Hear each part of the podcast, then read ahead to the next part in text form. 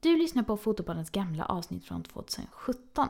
Fotopodden finns på Facebook och Instagram och på www.fotopodden.se och inte fotopodden.com som det tidigare har varit. Fotopodden har också en Facebookgrupp för fotografer och fotointresserade där vi pratar om allt som har med foto att göra. Det är verkligen en jättefin gemenskap och vi pratar om många intressanta ämnen så om du inte redan är med där så tycker jag att du ska gå med direkt. Om ni vill hitta mig så finns jag på min Instagram fotograf Maria Ekblad eller på min YouTube-kanal fotograf Maria Ekblad där ni jättegärna får gå in och prenumerera. I detta avsnittet så pratar jag och Erika Gärdemark om bröllopsfoto. Vi pratar om hur hon började fota och hur hon hittar de fina tonerna i sina bilder. Här kommer min intervju med Erika.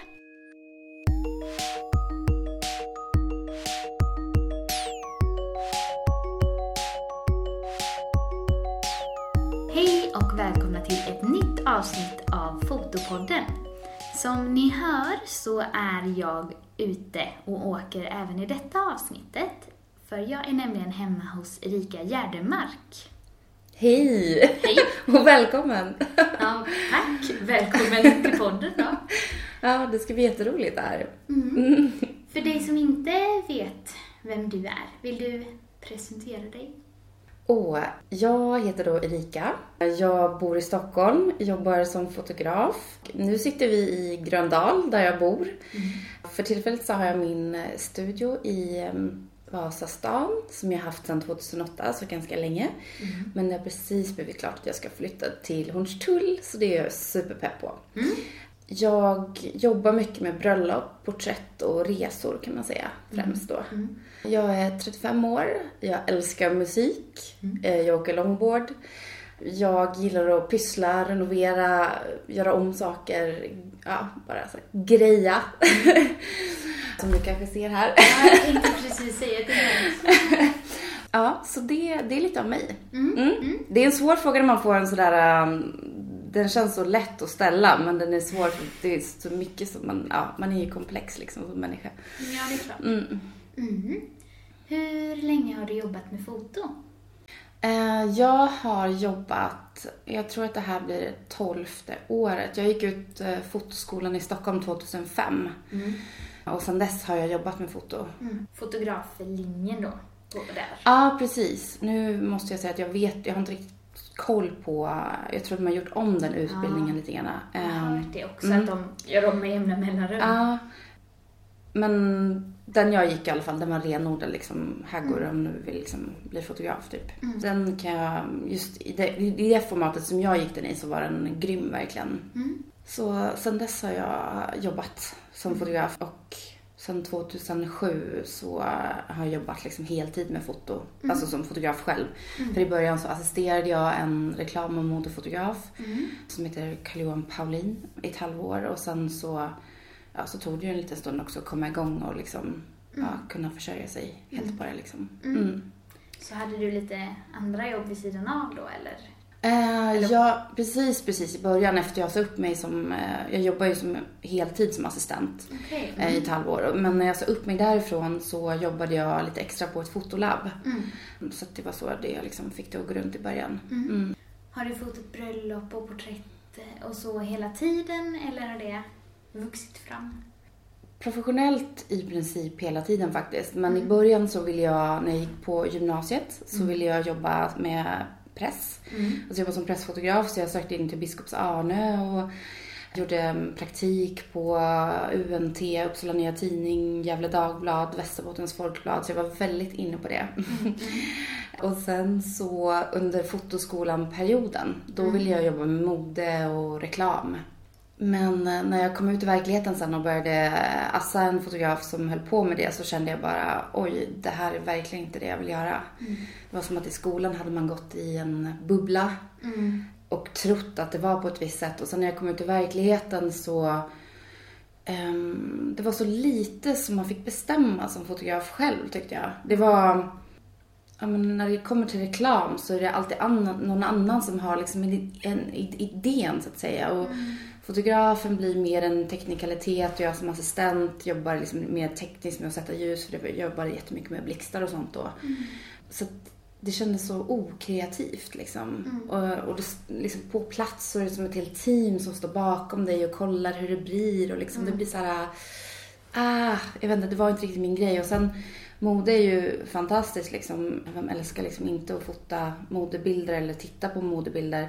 Men det är ju jättesvårt att Mm. kunna leva på det i Sverige. Alltså det är ju ett fåtal som är så duktiga så de kan leva som på modefotografi liksom. Mm. Mm. Så där, där måste man ju verkligen vara liksom top notch och otroligt driven för att kunna försörja sig på bara det liksom. Mm. Mm. Ja, men det låter ju lite mer som att man kanske, om man jobbar i team och har andra som beställer Mm. bilderna av Ja, en, ja. att man är lite mer utförare än kreatör kanske? Eller? Ja, jag upplevde det så Ja. då i alla fall. Sen så finns det säkert hundra olika sätt man kan jobba Ja. på. Men det var min uppfattning av mode och reklambranschen. Mode var ju väldigt så här, kreativt och fritt. Men det var ju brutalt dåligt betalt liksom. Mm. Även för svenska modetidningar som Elle och Damernas Värld och sådana. Mm. I förhållande till hur mycket liksom, tid vi la ner på de uppdragen då. Mm. Men som sagt, då jobbade jag som assistent så jag såg ju det lite mer, vad ska man säga, behind the scenes. Det var inte jag som gjorde de uppdragen på det sättet som fotograf. Så det var både liksom tidningsbiten, dagspress och då reklam och mode och sen när jag insåg att jag inte vill jobba med reklam och mode så började jag faktiskt fota bröllop. Det var under min studietid så hade jag fotat några bröllop åt liksom kompisar sådär. Mm. Sen hade jag fått väldigt liksom bra feedback. Framförallt från några personer som var lite mera ja, men nyckelpersoner. Du vet, ibland så kan det betyda mer om en specifik person säger det till dig än någon annan. Då var det några andra kreatörer som var så här, men ska du inte prova liksom bröllop? Du gör det här liksom på ett unikt sätt. Och, Mm. alltså, bröllopsfotografi var ju inte riktigt som den är idag, Nej. 2005. Det är en enorm skillnad Mm. på marknaden. Alltså nu finns det ju hur många grymma som helst men när jag började så, ja men skapandeprocessen och allting var väldigt annorlunda eh, generellt när det gäller eh, bröllopsmarknaden och, eh, och foto. Så då, då var det liksom vissa personer som pushade mig lite i rätt riktning. Så ja, det var så jag började och verkligen så här, okej men jag gör ett, jag, jag gör ett försök liksom, får se vad det här bär. Så jag skaffade en hemsida som var liksom typ bara bröllop. Började marknadsföra mig och primärt då, 2005 då, Mm. eller ja, det var nog 2005 där, så um, la jag upp en företagspresentation på Bröllopstorget. Jag har ingen koll på Bröllopstorget idag alls och jag tror att det är en helt annan grej. Men Det går liksom inte att göra samma grej idag för att marknaden ser så annorlunda ut. Det är många fler fotografer och så vidare. Men eh, det var det jag gjorde och liksom försökte sprida mitt liksom ordet om att jag gjorde bröllop. Och sen eh, nästföljande sommar, 2006, Mm. så hade jag 30 bröllop. Oj, herregud. Och då kände jag bara så här, det är det här jag ska göra. För jag, när, jag började, när jag väl började göra det så, så älskar jag det. Ja. Så. Och det var så jag kom in på bröllop. Så det var ju inte så att jag hade en dröm när jag var liksom 16 och ville bli fotograf att jag skulle jobba med bröllop. Men det är typ det bästa som har hänt mig. Mm. Mm. Så det växte fram av sig själv och Ja. lite push. Ja, men lite så. Ja, gud, jag är så tacksam att det blev som det blev. För att ja, det har gett mig så otroligt mycket som människa och i livet. Och, äh, alltså, jag kan liksom inte tänka mig hur livet hade blivit annars på något vis. Så det känns bra. Mm. Mm. Ja, vad fint. Mm. Det är väldigt fina och speciella ögonblick man får vara med om. Mm. Ja. Men eh, du nämnde att marknaden var annorlunda Mm. i den tiden. Ja. Hur var det då om man jämför med idag? Först och främst så var det ju inte lika kanske självklart att man skulle alltså, dokumentera dagen på det sättet man gör nu. Det fanns fortfarande många fotografer som jobbade mer studiobaserat. Att man kanske gick till fotografen och tog liksom, porträttbilderna och Ja. sådär. Den här reportagedelen, att vara med hela dagen på bröllopet och så, det var ju inte lika utbrett alls. Nej. Och sen var det... Jag började scouta marknaden när jag bestämde mig för att liksom satsa på bröllop. Så liksom så titta runt, vad finns det för fotografer och hur jobbar de som jobbar med bröllop? Och då hittade jag typ två personer, två fotografer som jag liksom verkligen gillade. Mm. Om jag skulle göra samma sak idag så skulle jag hitta hur många som helst. För att det är många fler som jobbar med bröllop och är grymt duktiga. Marknaden har utvecklats otroligt mycket. Så vill jag gärna nämna vilka de fotograferna var som jag blev inspirerad av väldigt mycket. Och det är en tjej som heter Jenny Hammar. Mm. Grym tjej, fotograf och person. Och sen en tjej som heter Helene Karlsson som kallade sig då för Lene K. När hon fotar bröllop. Nu fotar hon tror jag bara så redaktionella grejer och modegrejer och Mm. sånt. Jag har lite dålig koll på henne just nu men, men hon fotar inte bröllop längre i alla fall, det vet jag. Mm. Så tack till de två.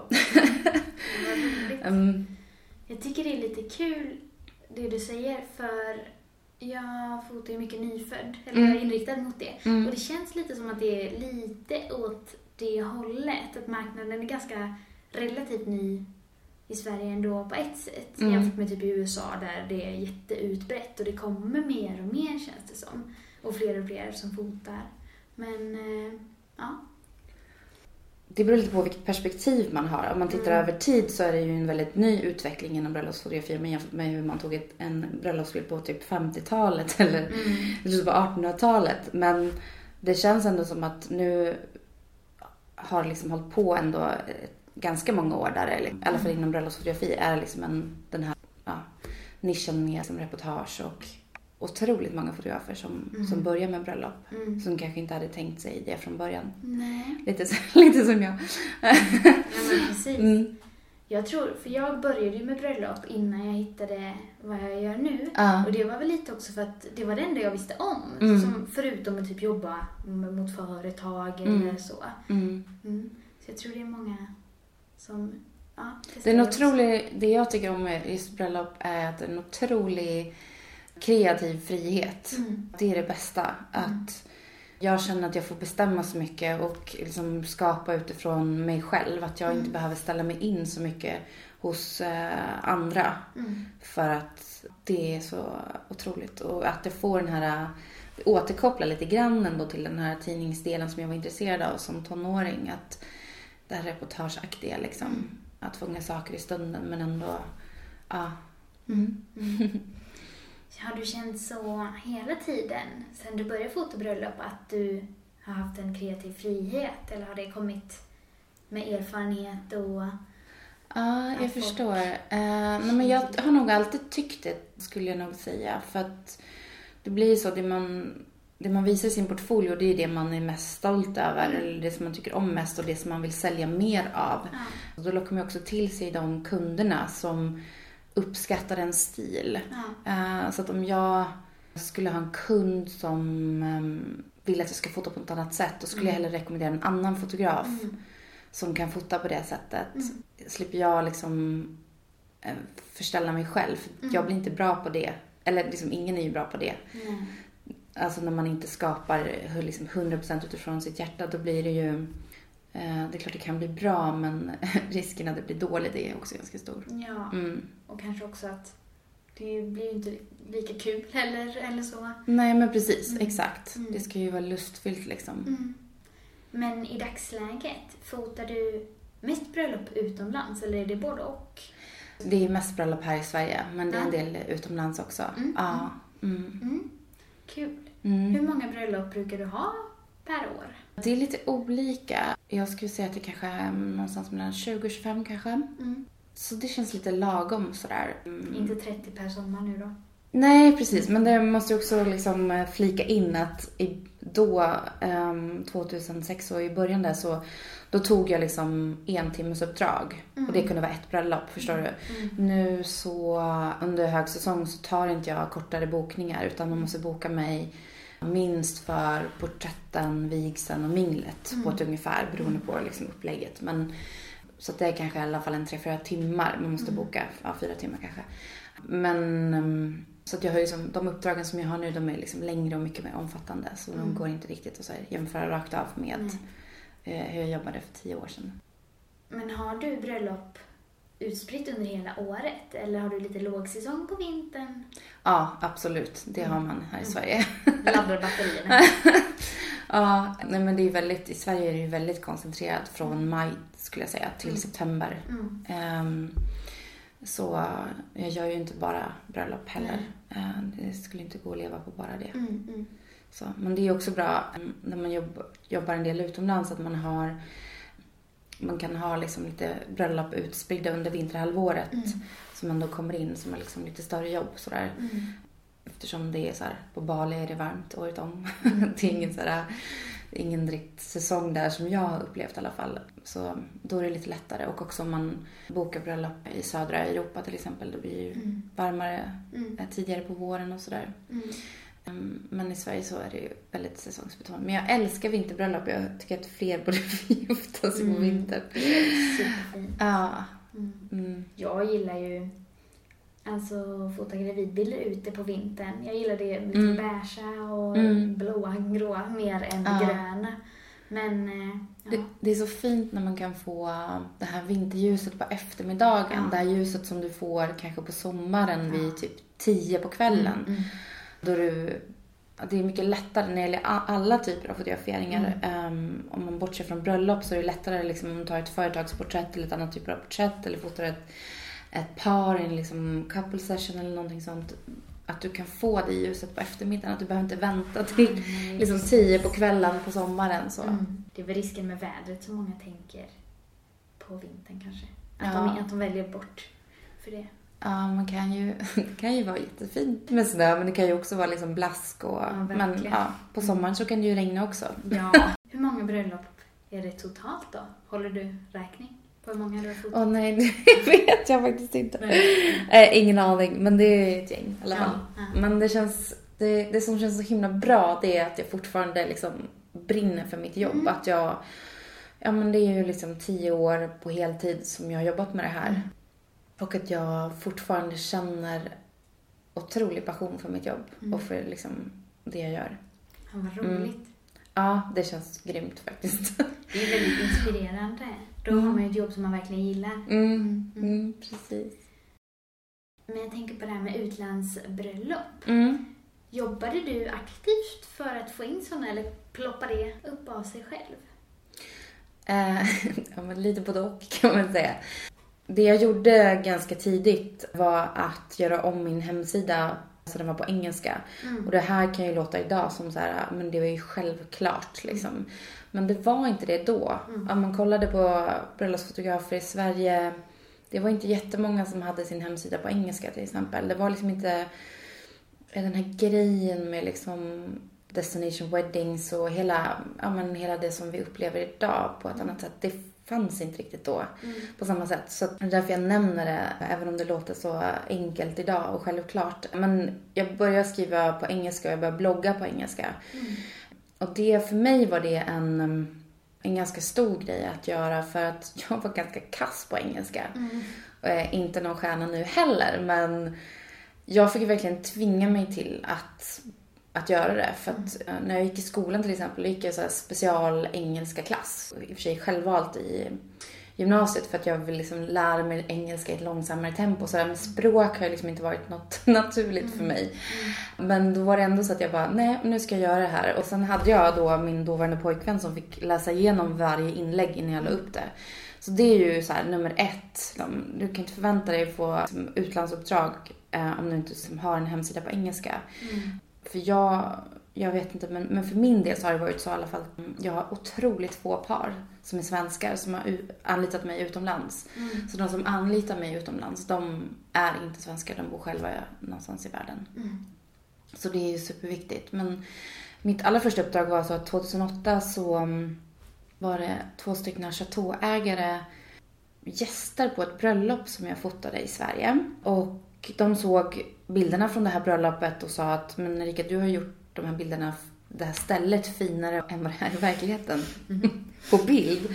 Och vi har ett slott i Frankrike. Skulle du kunna tänka dig att komma hit till Frankrike och så här, fota vårt slott? För vi liksom ska börja med ja, men, så här, um, folk som åker på semester och kan hyra slottet och de skulle också börja med bröllop och sådär. Så de behövde nya bilder, både interiört och exteriört. Mm. Så då var det självklart att jag sa ja till det. Vem vill inte åka till Frankrike? Jag älskar Frankrike. Fotat slott också. Ja, men precis. Och sen började de rekommendera mig till sina kunder. Mhm. Så var det. Sen har liksom, ja, det som rullat på. Bali till exempel som är en destination som jag åkt till ganska många gånger. Mm. Där började det med att det var en eh, brud som hittade mig via Twitter. Mm. Vet inte hur, men på något sätt. Och det paret som, som anlitade mig första för fem år sedan, 2012. De har verkligen varit ett nyckelpar för mig i Indonesien. För de har rekommenderat mig till så många av sina vänner och liksom spridit ordet om mig och sen har jag varit väldigt noga med att när jag väl gör bröllop där, eh, eller var som helst i världen egentligen, att man är noga med Google-optimeringen. Um, jag kanske inte kan bli liksom number one när det gäller så här, om någon söker på wedding photographer Bali, men har det varit på ett specifikt ställe till exempel, så skriv det i rubriken. Så ger det liksom utslag efter ett tag. För att de som ska gifta sig på samma ställe året efter eller några år efter, de, de söker gärna på det här stället och ser hur andra bröllop har varit på Google. Och då dyker mina bilder upp. Så det är lite den effekten. Så det är liksom tur, rekommendationer och eh, Google kan man säga. Och nu även liksom Instagram och ja, men andra typer av liksom bröllopsbloggar och sånt där. Men ja, så det är så jag har fått de uppdragen. Hur är det att komma till en helt ny plats och fota bröllop? Scoutar du mycket innan på ställena? Ja, Hur men- funkar det? Ja, men det gör jag faktiskt. För mig är det jätteviktigt att känna till platsen och vara väl förberedd och så. Så att om det är en plats som jag aldrig varit på förut, då brukar jag åka dit innan. Antingen lite beroende på var det är någonstans. Om det är så att jag behövt resa långt eller om det är så att jag kan resa dit samma dag och titta. Då, då scoutar jag alltid liksom platsen så jag har en koll. Om det är i Stockholmsområdet då kan jag liksom åka dit vid ett separat tillfälle. Om det är ett bröllop i Skåne till exempel då kanske jag flyger ner på fredagen och sen så är bröllopet på lördagen men då tittar jag, går jag runt och tittar på fredagen och sådär. Så att jag, det är aldrig så att jag dyker upp till ett bröllop och liksom bara gör det på volley. Framförallt inte när det gäller porträttbilderna, då vill jag liksom ha full koll för det är där jag kan vara mest kreativ eller få bestämma mest själv. Det andra är ju lite mera det blir som det blir. Alltså man bara följer med och försöker bara dokumentera det som sker. Mm. Mm. Hur funkar det om det är utomlands då? Då åker du ner någon dag innan då? Ja, om jag flyger till Bali till exempel, så, som ett exempel. Du tar inte en sväng om en vecka Det, det är så, man får ju räkna med att man är borta en vecka ungefär Ja. för ett sånt uppdrag. För att man, fly, man flyga ner så att man är, är där x antal dagar innan, typ kanske tre dagar innan. Så att man ändå så kommit in i liksom dygnsrytmen och att allting funkar med flyg och eftersom det är en sån lång resa. Så, så tar det ju ett dygn bara att komma ner dit. Och sen ett dygn hem, då blir det ungefär en vecka. Och då är man ju på plats tidigare än, jag kommer ju aldrig ner dagen innan bröllopet Nej. om jag åker till Bali. Chansa lite. Den här stranden. som Ja, nej men jag, jag är en sån person också som liksom, när det gäller flyg och sånt, då sitter jag på, på oavsett om det är liksom privat eller om det är i, i jobb så sitter jag på flygplatsen i god tid innan jag blir för nervös. jag tycker om att liksom, jag sitter hellre där och liksom äh, läser en tidning eller kollar min telefon och vet att jag är där i tid. Du nämnde ju engelskan förut. Ja. Så då blir det ju att du pratar på engelska när du jobbar då. Mm, mm. Hur går det då? Alltså jag vet faktiskt inte. Jag tror att det går okej, men jag är ju verkligen pratar svengelska. Men jag är bra på kroppsspråk och sådär. och visa kunden hur det ska stå. Nej men jag tror att det är rätt okej faktiskt. Men, men det är ju inte... Ja, det, den kunde absolut varit bättre. Men det är ju ganska Framförallt i- svårt. ja. Eller för jag tänker på, jag var på Island Mm. och fotade gravidbilder och par och så. Och då, ja som du sa, det blir ju ganska mycket svengelska och ganska mycket visa Mm. ändå. Men framförallt så upplever jag, om man gör ett liksom, bröllop, då har man oftast, det är, en, det är ett stresspåslag liksom, för att man har eh, man har inte mycket tid som helst. Det, men det är stor press på att det ska bli bra bilder och för att liksom, ta den typen av bilder som jag har i min portfolio så tar det ganska lång tid att göra. Man vill ha detaljer, man vill ha vyer, halvkropp, helkropp. Man vill inte bara liksom, posera paret under ett och samma träd under hela sessionen. Då är man ju ganska stressad, även om man kanske inte visar det för paret. Men man har ju definitivt ett stresspåslag som fotograf. Och då blir det, då när man ska prata engelska och man är så här, ja för min del så kan jag komma ut lite var som helst liksom. det, engelskan är inte lika bra som om man hade fått varit i ett liksom lugnare mode och tänka efter lite. Då blir man lite mer, ja det blir som det blir. Men det brukar, det brukar gå bra. det är inget som jag liksom oroar mig för utan det är mer så här, jag kan bjuda på att jag säger fel ibland. Det är inte hela världen. För det kan jag nog tänka mig för många generellt, att det kan vara något som känns lite läskigt. Men man får ju bara köra på så Ja. brukar det lösa sig. Liksom. Ja, Instruerar du under porträtten mycket? ja det gör jag. Jag är inte en fotograf som är tyst och liksom låter saker och ting bara liksom lämnas vind för våg. Mm. Det men alltså man har ju olika liksom, tekniker och det finns ju fantastiska fotografer som jobbar lite mer så att man bara liksom ställer paret och bara så. Men jag upplever att när jag själv har blivit fotograferad så, så blir jag mer osäker och obekväm. Så att jag är, kör väldigt mycket med den tekniken att jag um, pratar mycket med paret, visar verkligen hela handen vad jag vill mm. för någonting. Mm. Ja. Och sen så sker det liksom spontana saker ur den positionen jag vill att de ska utgå ifrån. Men din bildstil, hur mm. har den ändrats över åren? Den ändrats otroligt mycket. Alltså i början när jag fotade bröllop så var det mycket mer eh, mörkt och mycket mera kontraster. Inte alls det här liksom ljusa, pastelliga. Mm. så att um, de som sa till mig att jag hade någon slags unik talang för det här med bröllop i början. Alltså, ja, om man tittar på de bilderna idag så ser de, det är skämskudde, alltså på hög eh, nivå. För de, de ser inte roliga ut alls. Så mm. att, men det är väl tur också att man utvecklas. Mm. De eh, bilderna i början var inte på något sätt eh, fantastiska eller bra men Så men sen, är det väl för de flesta tänker jag. Ja, mm. ja men precis. Mm. Och det var det kanske lite tråkigt också om man inte liksom utvecklades heller. Nej, tio ehm, år. Men jag, jag känner, sen 2009, för mig tog det väldigt lång tid att hitta min bildstil. Så att man känner att man inte hittat sin bildstil så liksom få inte panik bara för att du inte har gjort det över en helg, utan för mig tog det hur många år som helst. Men från 2009 ungefär skulle jag säga, där började liksom fröet till det som jag fotar idag, rent liksom redigeringsmässigt och så. Mm. Ja, så det tog lång tid. Första bröllopet var väl kanske 2002 som jag fotade. Mm. Ehm, så att, mm. Hur kom du in på det spåret som du sa, det fröet kom där. Ja, jag tror att jag, jag vet inte, men jag tror att mycket att jag tittade på, alltså försökte analysera vad jag tyckte om i andras bilder. Mm. Och vad jag drogs till. Eh, det är faktiskt en väldigt bra liksom, knep. Mm. Att verkligen sätta sig ner och titta och försöka analysera. Varför gillar jag den här fotografens bilder? Vad är det som gör att jag dras? Eller liksom att, ja, mm. det känns så himla härligt att titta på den här bilden. Mm. Så det var nog utifrån det mycket. Om jag ska säga mm. något konkret som jag mm. gjorde liksom. Att um, tittade på bilder och sa, ja, jag gillar ljusa bilder, jag gillar de här lite så här pastelliga tonerna. Jag gillar när, um, när varmt är kallt och jag gillar gröna toner som är väldigt, väldigt kalla. Mm. Och sen försökte jag liksom, ja, få till det där själv mm. genom liksom trial and error i Photoshop kan man säga. Mm. mm. Ja, vad roligt. Mm. Ja, jag gillar den eh, blåheten, eller blå, ja. blåtonerna. Ja, väldigt svag för kalla toner mm. och fortfarande liksom behålla hudtonerna mm. varma sådär. Mm. mm. För mig var det nästan lite tvärtom. Att jag visste var, vart jag ville hamna. Mm. Men jag hade liksom inte kunskapen. Nej. Så det var många frustrerande år där innan ja, jag, jag blev tillräckligt duktig för att fatta vad jag behövde göra på något sätt.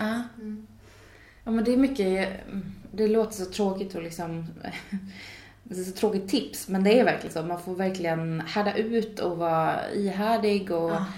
bara testa igen, testa igen och liksom också försöka komma fram till någonting som man själv gillar. Alltså mm. jag tror att det är, jag tror många tänker så här, men bara ge mig ett färdigt recept liksom. Ja. Ge mig bara en liten action så är, så är det löst. Men jag tror att det är lite mer komplicerat än så faktiskt. Mm. För att verkligen hitta det man själv speciellt gillar och också för att få ett personligt uttryck i bilden. Mm. Eh, rent redigeringsmässigt så. Mm.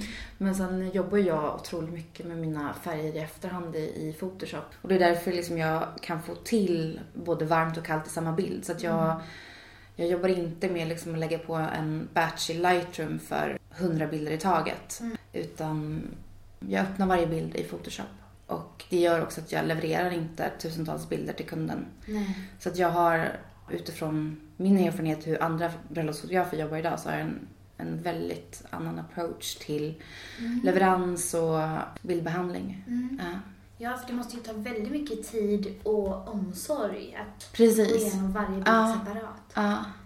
Jag personligen förstår ju inte det här konceptet som har vuxit fram inom liksom våran industri att man eh, ska leverera så många bilder som möjligt. Det Mm. förstår inte jag riktigt överhuvudtaget. Så att, eh, min grej är att efterbehandla varje bild liksom för sig och Mm. göra den fullt ut kvalitetsmässigt och sen leverera ett färre antal bilder än att bara leverera en bild bara för att det är en bild från en bröllopsdag. Så. Mm.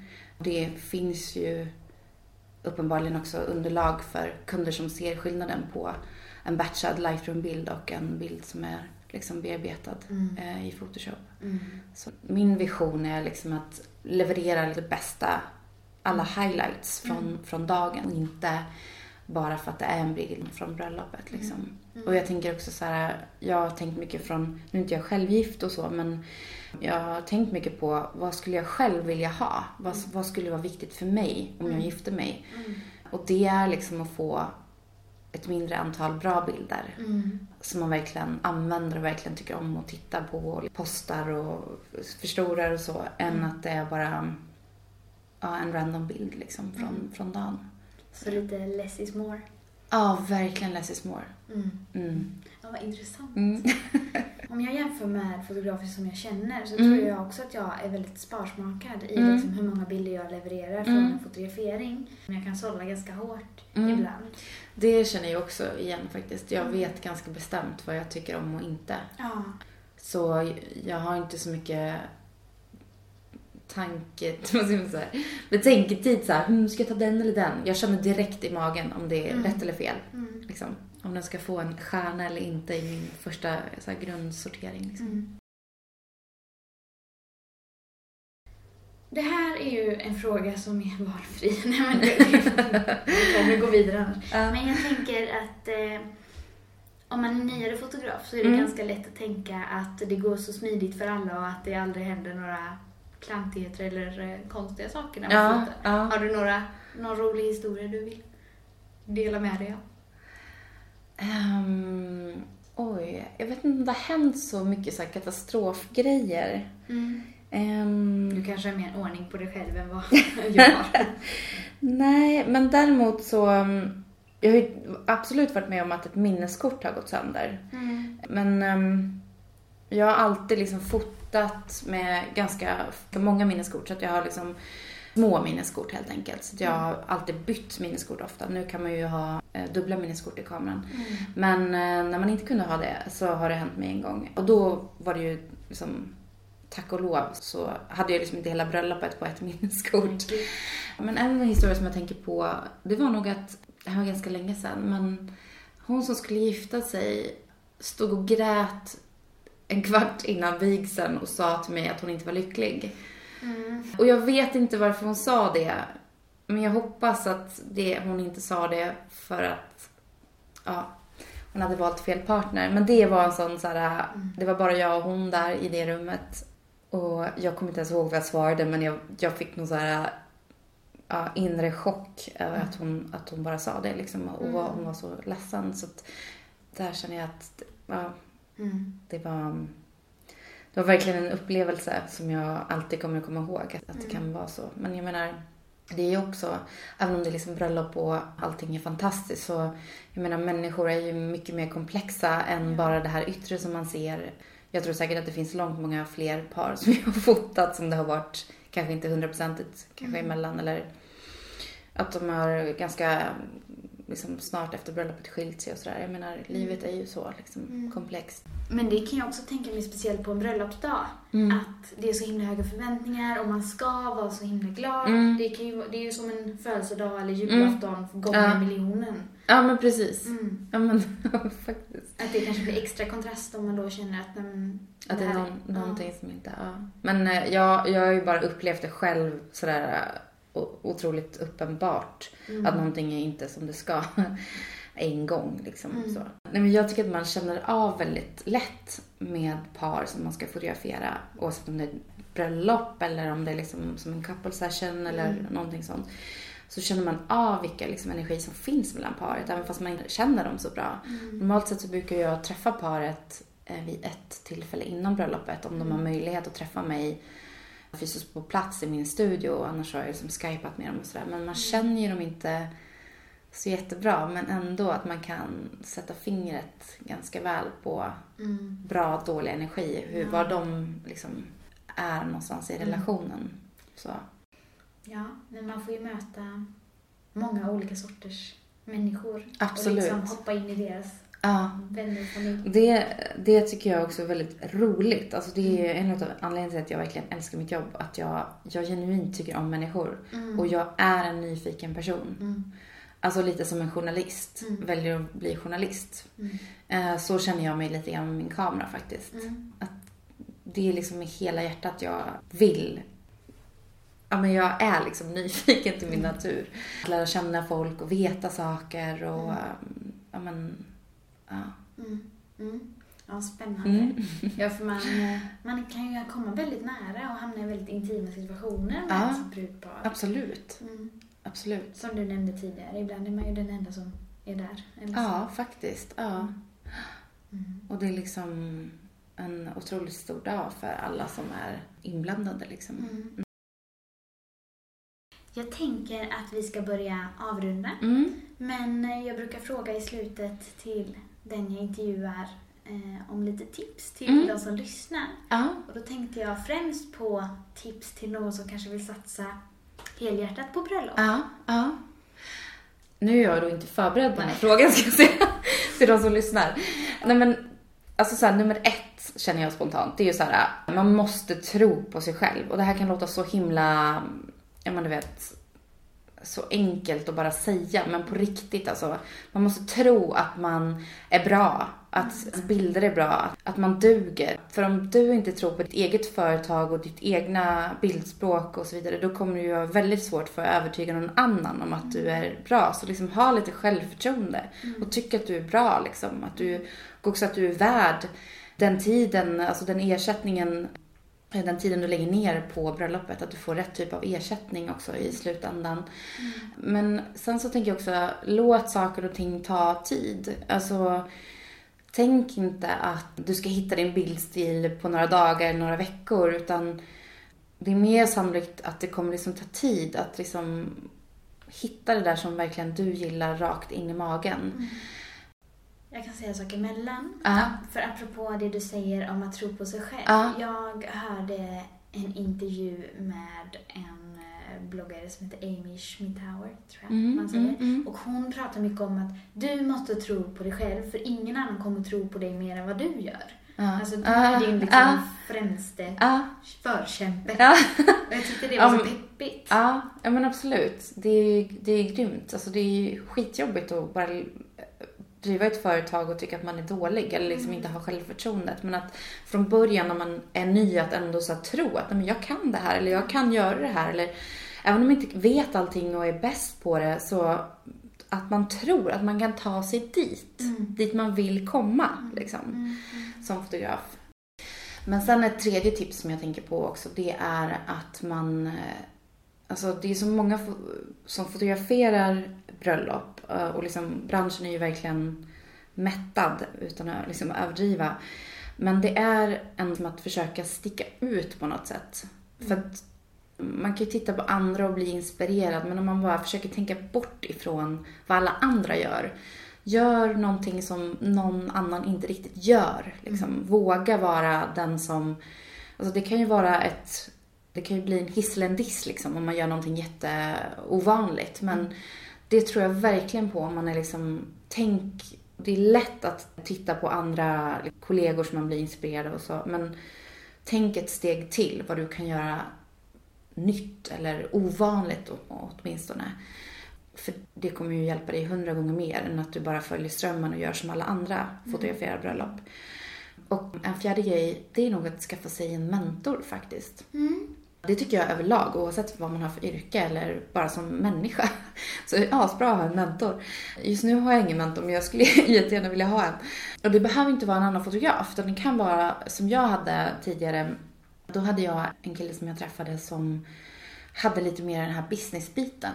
Alltså var driven lite mer företagsinriktat. Så vi pratade inte så mycket bild utan mer hur kan jag ta mig vidare? Hur kan jag leva på det här? Hur kan jag liksom få den lönen som jag vill ha och så vidare. Så det behöver inte alls vara en fotograf. Och sen så tänker jag att det känns, kan ju kännas läskigt att fråga en någon sådär, vill vara mentor till mig. Men jag tror man ska sikta högt liksom. Sikta på någon som är din idol typ, eller någon som du verkligen inte tror ska säga ja.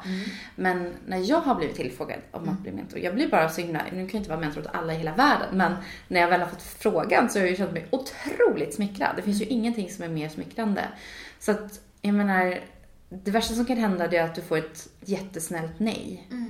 Men våga fråga någon som du inte tror ska säga ja, men som du egentligen har högst upp liksom, på listan. Jag kan ju säga att jag kände ju att jag siktade högt när jag mejlade dig om att vara med i podden. Ja.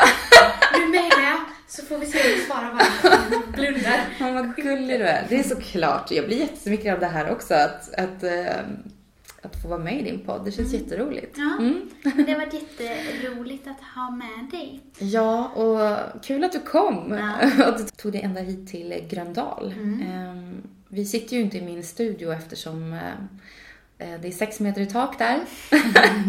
och för, för att ni ska höra vad vi säger så valde vi att Precis. eh, sitta här Men det är bara roligt. Mm. Om man vill hitta dina bilder någonstans, vart eh, går man då?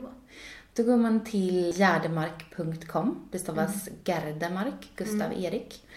Det är min hemsida. Man kan även hitta mig på Instagram, Twitter och Facebook och så. Eh, Det är bara att söka på Erika Gärdemark så hittar ni mig där. Och jag finns ju på fotograf Maria Ekblad på sociala medier och Fotopodden finns ju också på Instagram och Facebook så ni får gärna gå in och gilla. Och sen om ni har en stund över får ni jättegärna gå in på iTunes och lämna en liten recension eller sätta betyg. För då rankar iTunes podden högre så då kan fler hitta till denna podcast. Mm, grymt. Tack så mycket för detta avsnittet då. Ja, men tack snälla. Tack själv. Mm. Hej då Hej allihopa! då.